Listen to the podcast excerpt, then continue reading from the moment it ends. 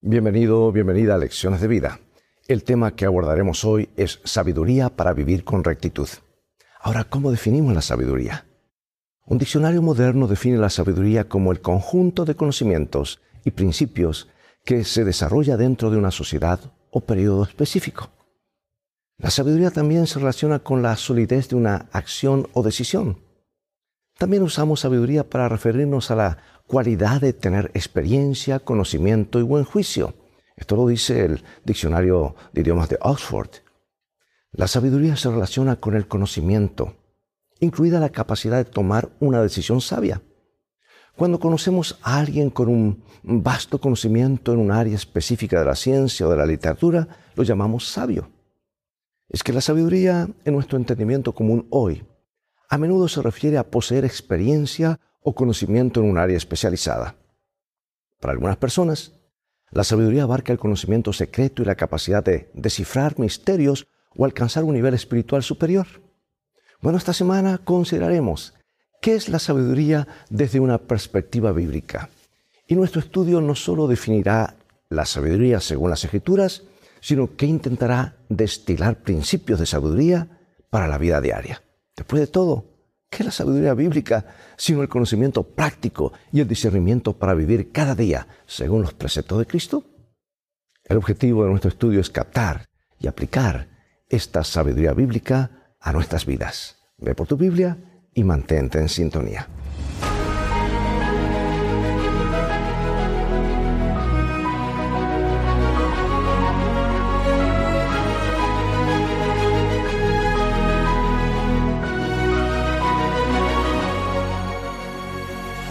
Comenzaremos con el versículo central, Salmo 90, 12. Enséñanos a contar nuestros días de modo que nuestro corazón adquiera sabiduría. Como hemos visto, la gracia de Dios ofrece el perdón de los pecados y crea un corazón nuevo en el pecador arrepentido, que ahora vive por la fe. La palabra de Dios también brinda instrucciones para una vida justa. Cumplir la ley de Dios de ninguna manera es una observancia legalista de normas, sino vivir en una relación íntima con Dios, una vida llena de bendiciones. No obstante, la vida del justo no está exenta de, tentaciones. A veces el justo puede verse tentado por la naturaleza astuta del pecado e incluso caer en la tentación. Y Dios permite tiempos de prueba para que la fidelidad o la infidelidad de sus hijos se revele claramente. Si los hijos de Dios prestan atención a la instrucción y a la amonestación de Dios, su fe se purificará y su confianza en el Señor se fortalecerá. Así que la sabiduría para vivir rectamente se adquiere mediante la dinámica de la vida en compañía de Dios en medio de las tentaciones y los desafíos. Por eso, amigos, en la oración en eh, ruego a Dios que nos enseñe a contar nuestros días para que adquiramos un corazón sabio refleja pues un compromiso continuo de ser fieles al Señor. Ahora la pregunta es, ¿cómo debemos guardar los mandamientos de Dios y cuáles son las bendiciones que recibimos al guardarlos? ¿Y dónde vamos a ir? Hay un salmo completo, el Salmo 119, el más largo, que nos habla de las maravillas de la ley de Dios. Y dice, en mi corazón he guardado tus dichos para no pecar contra ti. Enséñame tus estatutos en tus mandamientos meditaré, consideraré tus caminos. Me regocijaré en tus estatutos, no me olvidaré de tus palabras. Mucha paz tienen los que aman tu ley, no hay para ellos tropiezo. Tu salvación he esperado, oh Jehová, y tus mandamientos he puesto por obra. Mi alma ha guardado tus testimonios, y los he amado en gran manera. He guardado tus mandamientos y tus testimonios, porque todos mis caminos están delante de ti ves que la Biblia describe una vida diaria de fe como un peregrinaje, un andar o caminar con Dios en su senda de justicia. Llevamos una vida de fe al andar en la ley del Señor, a la luz de su rostro. De ningún, modo son eh, dos caminos diferentes, porque andar a la luz del rostro de Dios implica cumplir la ley de Dios. Del mismo modo, caminar en la ley del Señor implica buscar a Dios con todo el corazón. O sea que andar por caminos perfectos es otra forma en que los salmos describen la vida recta. Conducirse sin tacha, como dice la versión Dios habla hoy, describe un sacrificio sin defecto que es aceptable a Dios. Así que del mismo modo, la vida del justo, que es un sacrificio vivo, no debe estar manchada por el amor al pecado. Una vida dedicada a Dios es también un camino perfecto. Lo que significa que la, persona toma una dirección correcta en la vida, que agrada a Dios. Y eso es antinatural porque estamos programados para hacer el mal. El pecado ha causado un daño terrible. Pero ahora podemos vivir una vida correcta, recta, entre estos rieles, digamos, de los diez mandamientos que nos permiten avanzar por la vida hacia destino seguro. O sea que guardar los mandamientos de Dios no tiene nada que ver con una observancia legalista de las normas divinas, como algunos enseñan. Al contrario, en un buen entendimiento de la diferencia entre lo correcto y lo incorrecto, entre el bien y el mal, y abarca a toda persona, no solamente las acciones eternas, abarca, abarca todas las áreas de la persona y a cada ser humano, cristianos y no cristianos, y con mucho más razón los cristianos. Ahora, la Biblia dice ser sin tacha, guardar los mandamientos de Dios y buscar a Dios con todo el corazón, son actitudes inseparables en la vida. Porque los mandamientos de Dios son una revelación de la voluntad de Dios para el mundo. Nos instruyen sobre cómo llegar a ser sabios y a vivir en libertad y paz. El salmista se deleita en la ley porque le asegura la fidelidad de Dios. Dice, mucha paz tienen los que guardan tu ley y no hay para ellos tropiezo. La imagen de tropiezo representa el fracaso moral como la lámpara para los pies del salmista, eh, la palabra de Dios nos protege de las tentaciones, nos alumbra el camino para no tropezar. Ahora, nota de qué manera demostró Cristo el poder de la palabra de Dios en su vida. Vamos a leer allí en San Mateo capítulo 4 y vamos a ver qué nos dice esto acerca del poder que proviene de un corazón dispuesto a obedecer la ley de Dios. San Mateo 4 encontramos las tentaciones de Jesús. Y Jesús se refirió a la palabra. Siempre fue la palabra como una guía para nuestra vida. Y él citó la palabra, escrito está. No tentarás al Señor tu Dios, solamente, no solo de pan vivirá el hombre, sino de toda palabra que sale de la boca de Dios. Hay poder en la palabra de Dios para vivir una vida recta. Es un poder sobrenatural. Ahora, amados, el ser humano tenemos que comprender tiene un dilema. Y aquí lo encontramos. Aquí está el dilema en Salmo 90, en Salmo 102 y en Salmo 103. Nos dice lo siguiente. Los días de nuestra edad son 70 años, y si en los más robustos son 80 años, con todo, su fortaleza es molestia y trabajo, porque pronto pasan y volamos. Enséñanos de tal modo a contar nuestros días que traigamos al corazón sabiduría.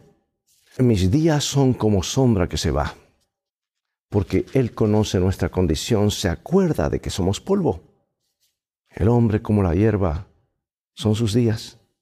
Florece como la flor del campo que pasó el viento por ella y apareció, y su lugar no la conocerá más. Así que la existencia humana, la existencia caída, no es más que vapor a la luz de la eternidad. Mil años a los ojos de Dios son como una vigilia de la noche, que dura tres o cuatro horas comparada con el tiempo divino, una vida humana pasa volando. Las más fuertes entre los seres humanos son análogos a las más débiles eh, de entre las plantas. Sin embargo, aún esta corta vida está llena de trabajo y dolor. Incluso las personas seculares que no creen en Dios se lamentan de la brevedad de la vida, especialmente en contraste con la eternidad que saben que los amenaza con continuar sin ellos. O sea que el Salmo 90 sitúa el dilema humano en el contexto del cuidado de Dios por las personas como su creador. El Señor ha sido la morada de su pueblo en todas las generaciones. La palabra Maón, o sea, habitación, describe al Señor como el refugio de su pueblo. Ahora Dios refrena su justa ira y vuelve a extender su gracia. Y el salmista exclama, ¿quién conoce el poder de tu ira? dando a entender que, nadie ha experimentado nunca el pleno efecto de la ayuda de Dios contra el pecado. Y eso ocurrirá cuando se acabe el tiempo de gracia, cuando caigan las plagas. Porque hay esperanza hoy de que la gente se arrepienta y adquiera sabiduría para vivir rectamente. Mientras hay tiempo de gracia, hay oportunidad. Pero estamos a un segundo, a un latido del corazón, de que eso se acabe. ¿Sabes que en la Biblia la sabiduría no se refiere únicamente a la inteligencia? sino también a la reverencia a Dios. Y esto quiero enfatizar. Porque la sabiduría que necesitamos es saber contar nuestros días. Si podemos contar nuestros días, significa que nuestros días son limitados y que sabemos eh, que sí son limitados, no hay vuelta. Vivir con sabiduría significa tener conciencia de la fugacidad de la vida, lo que lleva a la fe y a la obediencia. Esta sabiduría solo se obtiene mediante el arrepentimiento y los dones de Dios del perdón, la compasión y la misericordia. ¿Sabes que nuestro problema fundamental no proviene del hecho de que hayamos sido creados como seres humanos, sino del pecado y lo que éste ha provocado en nuestro mundo? Sus efectos devastadores se verifican en todas partes y en cada persona. Con todo, gracias a Jesús, se nos ha abierto un camino para salir de nuestro dilema humano. De lo contrario, no tendríamos ninguna esperanza. No importa lo rápido que pase nuestra vida, Jesús nos hace una promesa. ¿Qué promesa tenemos en Jesús? San Juan 3:16. Porque de tal manera amó Dios al mundo que ha dado a su Hijo unigénito, para que todo, escucha esto, todo aquel que no cree, no se pierda, mas tenga vida eterna. Pregunto, ¿qué esperanza tendríamos sin Él? Dios nos pone a prueba con frecuencia. ¿Y qué implica la prueba divina en estos textos? Vamos a leer Salmo 81, 95 y 105. En la calamidad clamaste y yo te libré. Te respondí en lo secreto del trueno, te probé junto a las aguas de Meriba. Si oyeres hoy su voz, no endurezcáis vuestro corazón, como en Meriba, como en el día de Masá, en el desierto donde me tentaron vuestros padres, me probaron y vieron mis obras. Cuarenta años estuve disgustado con la nación y dije, pueblo es que divaga de corazón y no han conocido mis caminos. Por tanto juré en mi furor que no entrarían en mi reposo. Envió un varón delante de ellos a José, que fue vendido por siervo. Afligieron sus pies con grillos, en cárcel fue puesta su persona, hasta la hora que se cumplió su palabra. El dicho de Jehová lo probó. Bueno, Meriba es el lugar donde Israel puso a prueba a Dios cuando desafió su fidelidad y su poder para satisfacer sus necesidades. Y Salmo 81 invierte de manera interesante el mismo acontecimiento, interpretándolo como el momento en que Dios puso a prueba a Israel. Y por su desobediencia y falta de confianza, el pueblo fracasó miserablemente en la prueba de Dios. La referencia a Meriba transmite un doble mensaje. En primer lugar, el pueblo de Dios no debe repetir los errores de las generaciones pasadas. Al contrario, debe confiar en Dios y seguir su camino. Y en segundo lugar, aunque el pueblo fracasó en la prueba, Dios acudió en su rescate cuando estaban apuros. Cuánto amor, ¿verdad? La gracia salvadora de Dios en el pasado ofrece garantías acerca de la gracia de Dios en las nuevas generaciones. Y el Salmo 105 muestra que las dificultades fueron el medio de Dios para poner a prueba la confianza de José en la palabra de Dios acerca de su futuro. La palabra hebrea saraf, o sea, probó, en el versículo 19, transmite el sentido de purgar, refinar o purificar. Así el objetivo de la prueba de Dios sobre la fe de José era eliminar cualquier duda en la promesa de Dios y fortalecer la confianza de José en la conducción de Dios. Y así estamos, amados, tú y yo, hoy. El objetivo de la disciplina divina es fortalecer a los hijos de Dios, así que no te quejes. Acepta la disciplina. Dios tiene un propósito. Y a la vez prepararnos para el cumplimiento de la promesa, como muestra el ejemplo de José. No la pasó fácil, pero Dios sobró todo para bien porque Él toma lo peor y lo transforma en lo mejor. Sin embargo, el rechazo de la instrucción de Dios trae como resultado una terquedad cada vez mayor y el endurecimiento del corazón de una persona obstinada. Comenta mi autora favorita, la White. Dios requiere pronta e implícita obediencia a su ley. Pero los hombres están dormidos o paralizados por los engaños de Satanás, quien les sugiere excusas y subterfugios, y vence sus escrúpulos diciendo, como dijo a Eva en el huerto, no moriréis. La desobediencia no solo endurece el corazón y la conciencia del culpable, sino que también tiende a corromper la fe de los demás. Lo que les parecía muy malo al principio pierde gradualmente esta apariencia al estar constantemente delante de sus ojos hasta que finalmente dudan de que sea realmente un pecado e inconscientemente caen en el mismo error. Es lo que la Biblia llama el pecado contra el Espíritu Santo, ¿verdad? Es apartarnos gradualmente al punto de ya no sentir más pesar por el mal. Pregunto, ¿cuál ha sido tu experiencia con la manera en que el pecado endurece el corazón? Por la repetición se crean los hábitos, ¿verdad? ¿Por qué debería este pensamiento llevarnos a la cruz, donde podemos encontrar el poder para obedecer? También tenemos el Salmo 141, otro bello salmo, todos son bellos, pero es una oración para pedir protección contra las tentaciones internas y externas. El salmista no solamente se ve amenazado por los planes de los malhechores, sino también se siente tentado a actuar como ellos. El primer punto débil es el dominio propio al hablar. Y el salmista ruega que el Señor vigile las puertas de sus labios. Esta imagen alude a la vigilancia de las puertas que en tiempos bíblicos protegían la ciudad. Y la tentación consiste también en saber si el Hijo de Dios cederá al consejo de los justos o se dejará seducir por los manjares de los impíos.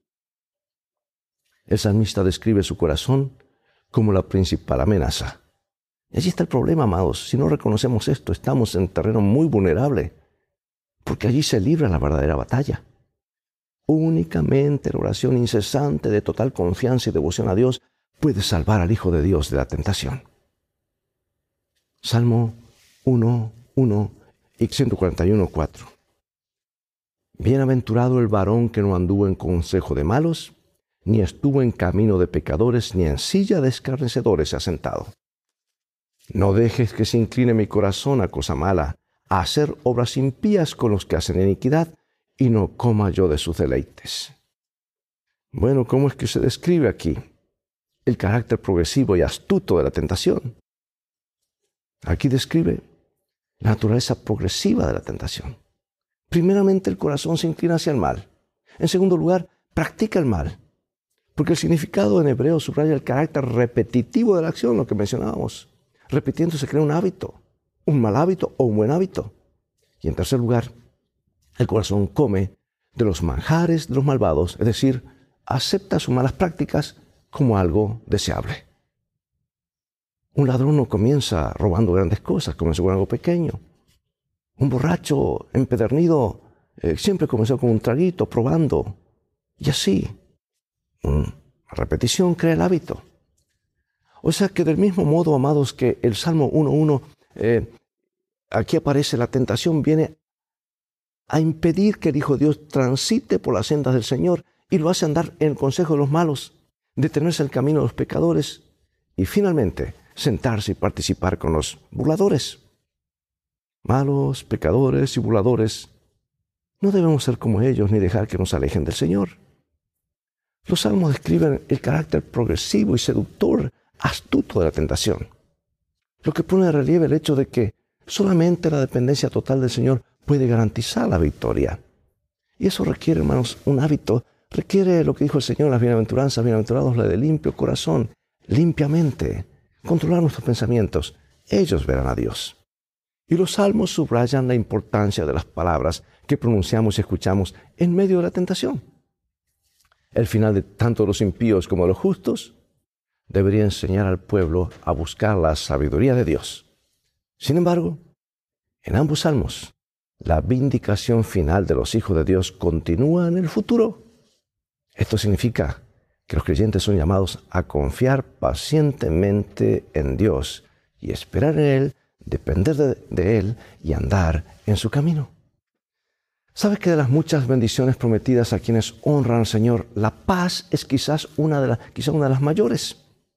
Y Salmo 1 describe a los justos mediante el símil de un árbol plantado junto a corrientes de agua, que da sus frutos a su tiempo y cuya hoja no se marchita.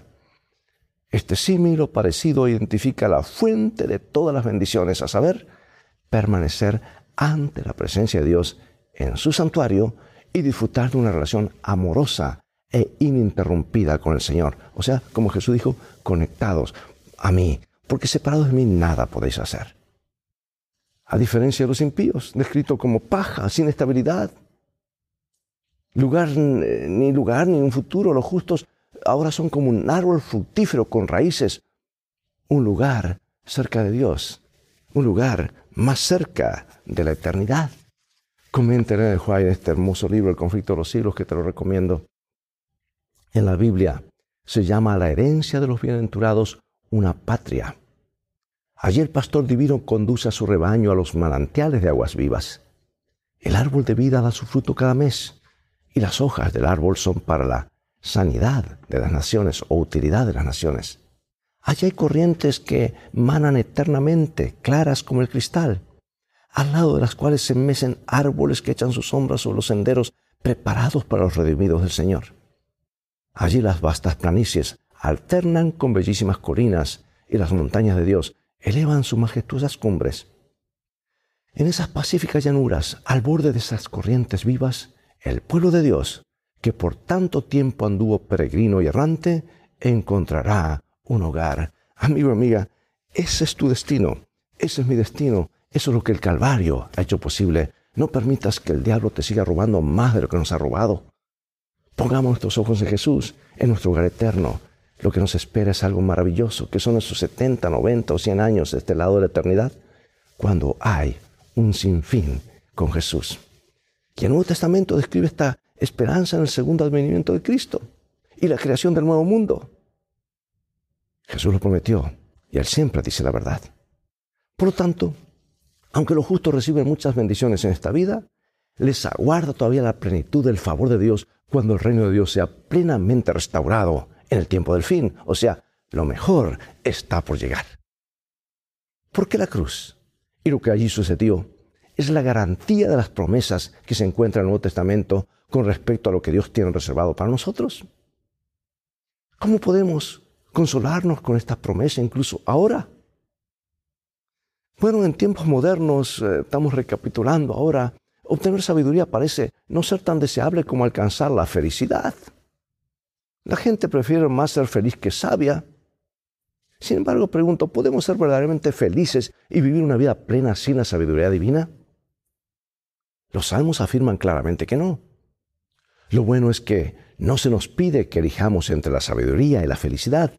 La sabiduría divina trae la verdadera felicidad.